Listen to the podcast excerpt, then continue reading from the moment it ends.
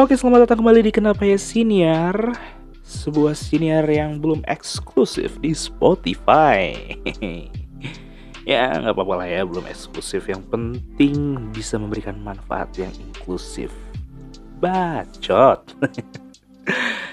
Ya, selamat datang kembali intinya. Dan tidak bosan-bosannya gue mengingatkan kepada lo semua Atau bertanya kepada lo semua untuk tetap sehat tetap semangat buat menjalani hari-hari lu semua ya para askers nih. Buat yang masih kuliah semangat mungkin lagi skripsian kali ya atau enggak mungkin lagi menjalani kuliah biasa atau lagi semester pendek. Atau mungkin yang udah bekerja di luar sana tetap semangat dan tetap selalu menjalani harinya dengan tetap selalu sehat di tengah pandemi ini tentunya. Oke, Askers, sekarang udah episode 6 nih episode 6 ya terakhir. Kemarin kan episode 5 atau yang tentang horor dan kalau misalnya gue tidak telat rekaman dan tidak telat upload harusnya podcast ini disiarkan atau di, diluncurkan pas kalian nih lagi pada libur. Tanggal 11 Agustus nih harusnya diluncurin ya. Well selamat hari libur dan selamat tahun baru Islam satu Muharram. Oke. Okay di podcast kali ini atau di episode kali ini gue akan ngebahas sebuah hal yang kayaknya sedikit sedikit nyenggol nyenggol pemerintah kayaknya nih. Kalau kalian tahu kemarin tuh sempat ada tren di mana ketika Gracia Poli dan Apriani Rahayu menang dan mendapatkan medali emas, banyak pejabat-pejabat publik yang berbondong-bondong mengucapkan selamat dengan memasang fotonya itu lebih besar daripada foto atletnya. Dan gak lama juga ada sebuah bukan sebuah tren, ya sebuah tren mungkin ya, di mana para pejabat-pejabat atau petinggi-petinggi partai itu memasang foto mereka dengan kata-kata mutiara seperti itulah. Dipasang di jalanan-jalanan di seluruh Indonesia mungkin ya. At least itu yang gue lihat sih ada dari beberapa partai tertentu yang kayaknya tuh ada indikasi buat ke 2024 gitu yang gue lihat ya ini opini pribadi gue padahal kayaknya kayak masih lama deh. Maksudnya 2024 sekarang kan 2021 apa mereka berpikir waktu itu nggak kerasa kali ya? Makanya mereka start dari sekarang. Ya terlepas dari apa pun dari apa pun apa ya dari apa pun tujuan mereka gue sih jujur aja masih heran gitu kenapa kenapa maksudnya ya bebas lah mereka mau buat poster kampanye dari sekarang untuk mempersiapkan nanti di 2024 atau mengucapkan selamat dengan menaruh mukanya dengan cukup besar. Mungkin dengan mungkin ada yang beberapa yang tulus emang pengen ngucapin. Tapi ada beberapa juga yang emang menunggangi hal tersebut untuk kepentingan politik. Well secara aturan itu nggak salah sama sekali. At least dari sudut pandang gue ya. Maksudnya ya biarin lah. Tapi yang jadi pertanyaan gue adalah kenapa sih pejabat-pejabat ini masih menggunakan cara lama untuk mempromosikan dirinya?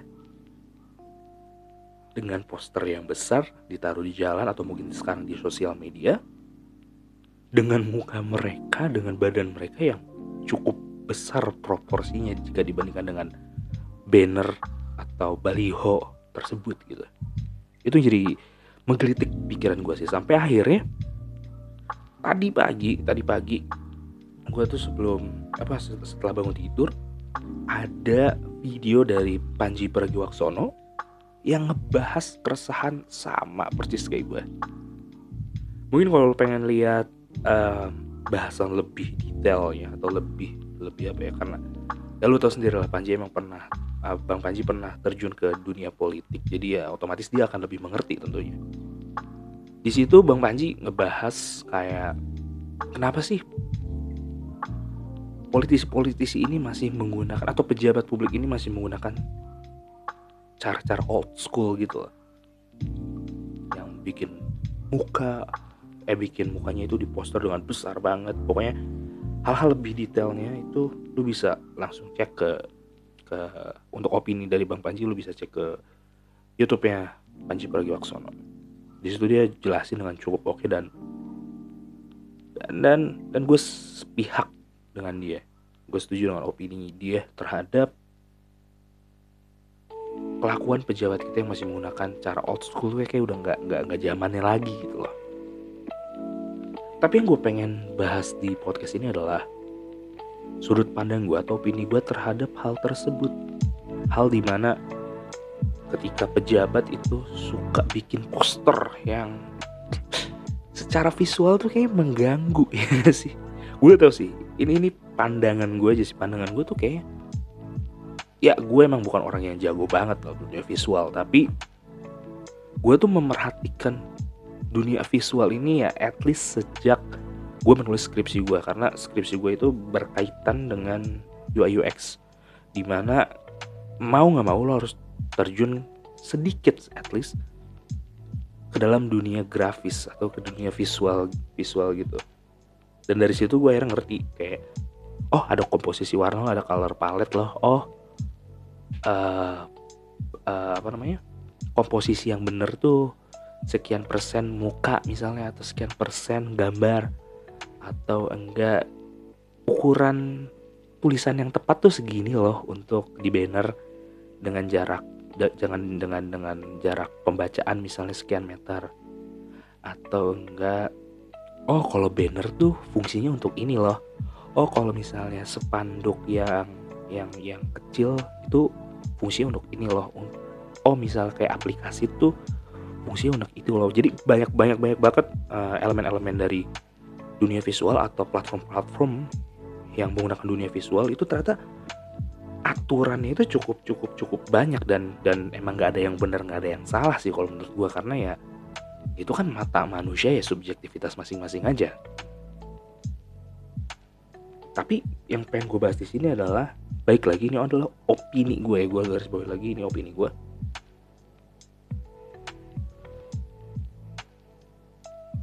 pejabat-pejabat ini nih apa? Apa gimana maksudnya? Mereka tuh kayak punya tim desainer gak sih? Atau enggak tim-tim ya at least tim yang mengerti dengan dengan dengan, dunia visual kayak gini gitu loh. Maksudnya gini loh di tahun ini kan banyak banget ya lulusan lulusan lulusan dari anak muda dan gue yakin banget anak-anak muda sekarang tuh udah lebih aware terhadap desain udah lebih lebih lebih apa ya lebih meskipun nggak terjun tapi mereka tuh kan mereka tuh bisa milah dan milih desain mana yang enak di mata mereka dan desain mana yang kayaknya kurang deh. Dan gue yakin banget itu loh. Jadi pertanyaan pertama gue di sini adalah apakah mereka punya tim desainnya gitu loh tim desain khusus untuk si pejabat-pejabat publik ini untuk ngepublikasiin poster yang diinginkan oleh pejabat publik ini. Oke misalnya iya deh. Misalnya mereka punya deh. Kalaupun punya dan dan kenapa mereka tuh kayak nggak mereka tuh rapat nggak sih? Maksud ngerti nggak sih maksud gue? Mereka tuh rapat nggak sih? Rapat kayak benchmarking kalau misalnya desain yang bagus tuh seperti ini desain yang jelek tuh seperti ini kayaknya color palette-nya nggak gini deh. Kayaknya lebih bagus gini deh yang enak dilihatnya. Nah mereka tuh mendiskusikan hal tersebut nggak sih? Itu sih yang penasaran sih. Dan terkadang gue kayak pengen apa gue magang di partai politik kali ya? Bukan untuk terjun ke ke ke ke dunia politiknya politik praktisnya tapi maksud gue teknikal teknikal yang dilakukan oleh partai politik tuh kayak gimana sih? Maksudnya hal-hal teknisnya kayak kayak rapat mengenai desain baliho gitu misalnya. Atau rapat mengenai mengenai feed Instagram gitu misalnya. Gue kadang pengen ikut aja gitu pengen ya ya sekalian belajar mungkin ya. Gue pengen ikut kira-kira pembahasannya tuh kayak gimana sih? Kayak menurut kayak soalnya menurut gue tuh kayaknya bakal menarik sih pembahasannya sampai akhirnya boom. Keluar dah tuh poster flyer baliho yang menurut gue kurang secara visual. Kadang warnanya backgroundnya merah tulisannya emas. Kayaknya wah, background merah tulisan emas atau kuning tuh yang cocok cuma McDonald doang. Bahkan McDonald pun nggak setiap saat pakai warna merah gitu mereka juga tahu kapan komposisinya. Mereka harus menggunakan warna merah warna-warna yang nabrak lah istilahnya. Dan di, di di di dunia pemerintahan ini khususnya untuk kayak masalah desain kayak untuk banner baliho tuh pertama banyak banget yang make foto mereka gede-gede. Itu sih. Jujur itu mengganggu banget dan secara estetika kalau menurut gue kurang.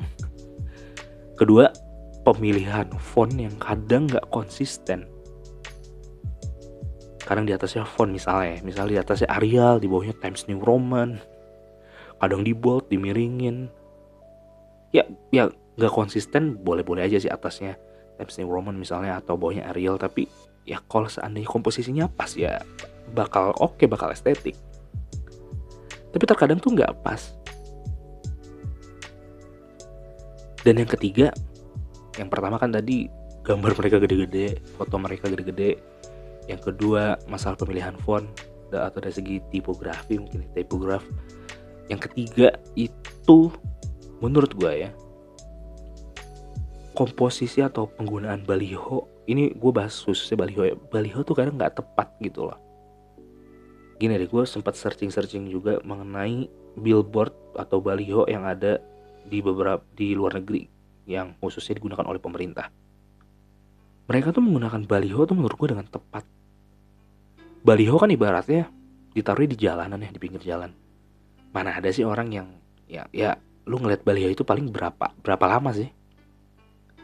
Kecuali mungkin di lampu merah ya di lampu merah kan mungkin lu bisa tiga menit. Mungkin ya kalau di kota-kota gede tiga menit dua menit. Tapi kalau misal baliho itu ditaruh di jalanan yang cepat dan nggak macet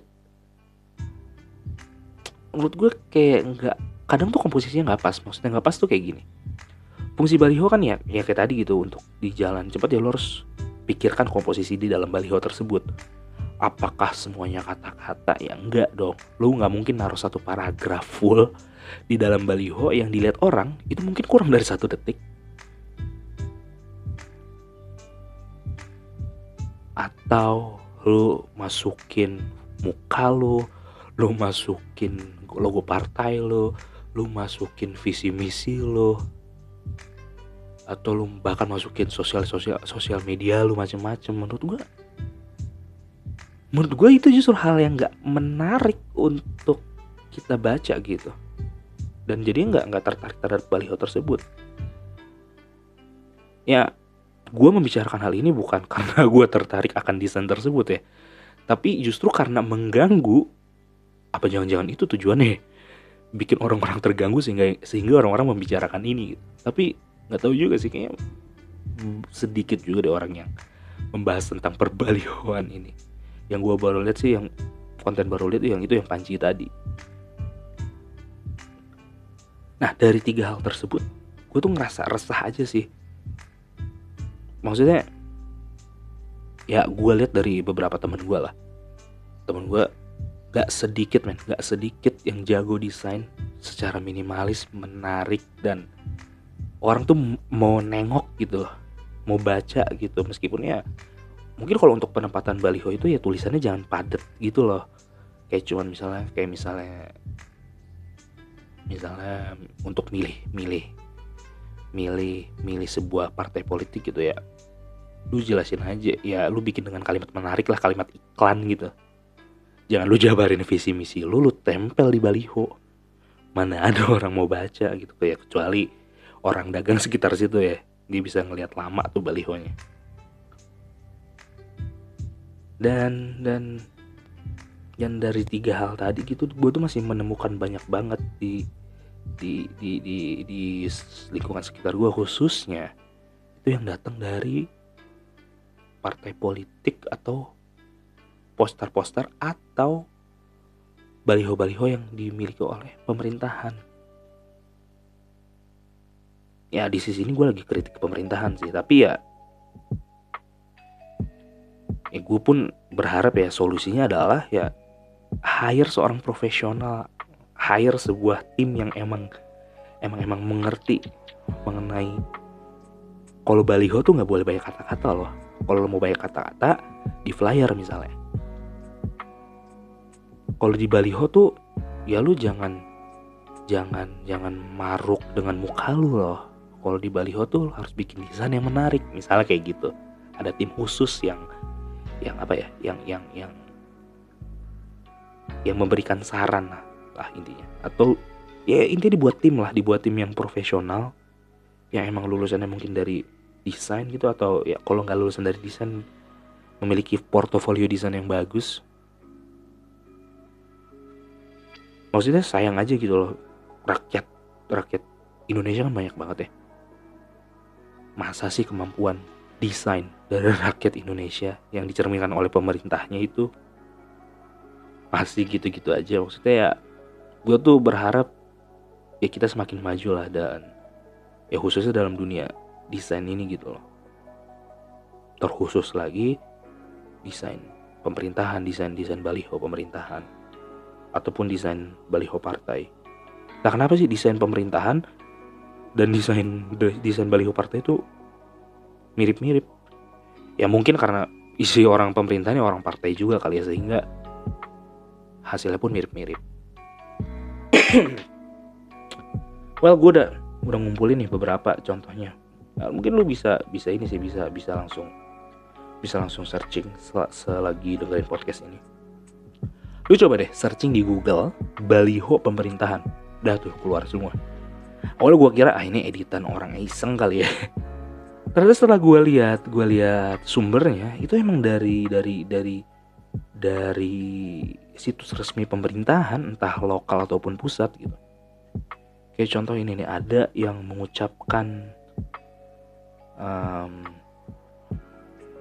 mengucapkan selamat ulang tahun kepada Indonesia selamat ulang tahun kepada beberapa badan yang ada di pemerintahan dan lo kalau lihat itu tipikalnya sama men ada foto wali kota, entah bupati, entah gubernur lagi senyum pakai baju pemerintahannya dan belakangnya itu tulisan-tulisan gitu. Maksudnya, wah bener-bener setipe men, lu coba searching bareng gue deh. Baliho pemerintahan di Google. Selalu kayak gitu maksudnya bahkan ada yang sampai empat orang dong, ada yang sampai empat orang. Gue nggak ngerti ini siapa aja. Maksudnya esensi dari ngiklan acara tersebut malah hilang menurut gue dengan lu dengan lu menampilkan narsistik narsistik lu ini gitu loh. Dan gue nggak tahu sih kayaknya apa ada aturannya gitu ya? Bahwa narsistik itu harus dimiliki oleh ya narsistik dimiliki oleh siapa pun ya cuman narsistik yang berlebihan apakah harus dimiliki oleh pejabat publik atau mereka nggak pede kali ya dengan kinerjanya sehingga ke, ke keberadaan mereka atau keeksistensian mereka itu harus ditunjukkan melalui menaruh muka mereka atau badan mereka dalam sebuah poster dalam acara apa pun itu. Ini ini ini fenomena yang cukup unik sih yang yang yang gue lihat di sekitar gue. Ya, gue nggak tahu sih keresahan ini ada sama lu juga atau enggak cuman harusnya ini keresahan juga ada pada lo karena tipe-tipe baliho kayak gini nih banyak banget harusnya di, di kota mana pun lu berada ya selagi lu di Indonesia. Um, begitupun di Instagram gue buka beberapa Instagram dari instansi pemerintahan. Padahal cuma pengen ngumumin tanggal ngumumin tanggal kalau kalau pelayanan akan diundur dari tanggal sekian sampai tanggal sekian. Tapi ada foto ketua dari instansi tersebut ditaruh sambil ngepalin tangan. Gue lu ngumumin tanggal gue nggak perlu ada foto lu juga. Oke okay gitu ya kalau lu kalau lu kalau lu pengen ada keberadaan lu dikenal atau eksistensi lu dirasakan oleh masyarakat ya ya lo harus kerja lebih giat lagi gitu sebagai pejabat publik. Sehingga lo dikenal mungkin melalui opini lo opi, opini lo terhadap sebuah isu gitu. Itu yang dikatakan nama bang Panji tuh di videonya. Jadi cara elegan untuk meningkatkan eksistensi lo adalah ya lo ikut dalam ruang diskusi publik entah di Twitter, di Facebook, di Instagram terhadap isu terkini. Jadi rakyat tahu nggak entah isu tersebut lo di situ kontra atau pro ya. Ini juga nih biasanya yang ngucapin selamat selamat nih selamat tahun baru Islam misalnya contohnya sekarang nih. Gue nggak sebut ini lah nggak sebut instansi instansinya lah tapi ya lu boleh searching sendiri lah instansinya instansinya apa pun itu. Dia ngucapin selamat tahun baru Islam. Ada fotonya dia. Ada fotonya dia sama istrinya. Maksudnya what the fuck? Wajib banget ya sama istrinya. Aduh aduh ada juga nih sebuah provinsi. Selamat tahun baru Islam. Ada foto si si ini si siapa namanya? Si gubernurnya aduh. Nah ini nih yang yang tadi kan gue nyampein tiga hal ya kenapa gue resah terhadap hal ini. Pertama karena fotonya terlalu besar di sebuah baliho atau di sebuah sebuah konten gitu sebuah sebuah flyer. Gue nyebutnya apa ya? Baliho aja kali biar gampang ya. Itu yang pertama. Entah penyebarannya di jalan atau di sosial media ya. Kedua kedua uh, masalah font ya yang gak konsisten ketiga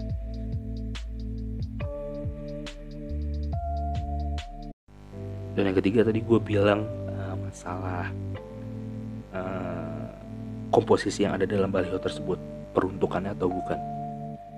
Ada satu instansi yang menurut gue melanggar dua hal yang gue rasakan. Yang pertama dia naruh foto dia. Itu yang pertama. Dia naruh sebuah font yang bahkan gak kebaca dan gak konsisten, warnanya nabrak, at least nabrak secara subjektivitas gue ya. Dan tadi gue bilang dua ya, tapi setelah gue lihat nih, dia melanggar tiga cuy, dia masukin semua informasi dalam satu desain gitu. Maksudnya dia dia share uh, instansi ini share di Instagram sih di feed mereka. Tapi kan ada fitur slide gitu lo satu kali post lo bisa berapa berapa foto gitu berapa desain. Kenapa nggak dibikin gitu sih? Gue juga bakal geser kok kalau misalnya ada lebih dari satu desain. Dia di sini nyantumin selamat tahun baru Islam. Dengan font yang menurut gue aduh kurang banget gitu loh. Kayak font gratisan sih ini. Terus dia naruh gambar yang meriah sekali lambang instansi instansi foto si pejabat ini dan sosial media sosial medianya di bawah. Aduh, padat banget ya. Padahal kan harusnya kalau lo pengen menyampaikan pesan selamat tahun baru Islam ya udah tulisan juga cukup atau mungkin kutipan ayat mungkin kutipan ayat atau ya banyak banyak hal lah yang membuat hal itu menarik tapi tidak dengan tiga hal yang gue tadi sebutkan ya. Yang gue resahkan yang foto font dan peruntukan si baliho itu. Komposisi baliho ya yang ketiga itu lebih tepatnya. Ya itulah yang gue resahkan dan akhirnya gue bikin dalam podcast ini di episode 6 ini khususnya well kalau misalkan Askers memiliki keresahan yang sama dengan gue, Askers bisa langsung diskusi dengan gue di @kenapaya.siniar di Instagram gue. Maksudnya di Instagram kenapa ya siniar. Askers bisa langsung DM kenapa ya siniar dan mari kita diskusi mengenai keresahan ini. Kalau Askers memiliki keresahan yang sama juga. Well, kenapa ya siniar episode 6. Peace and out and bye.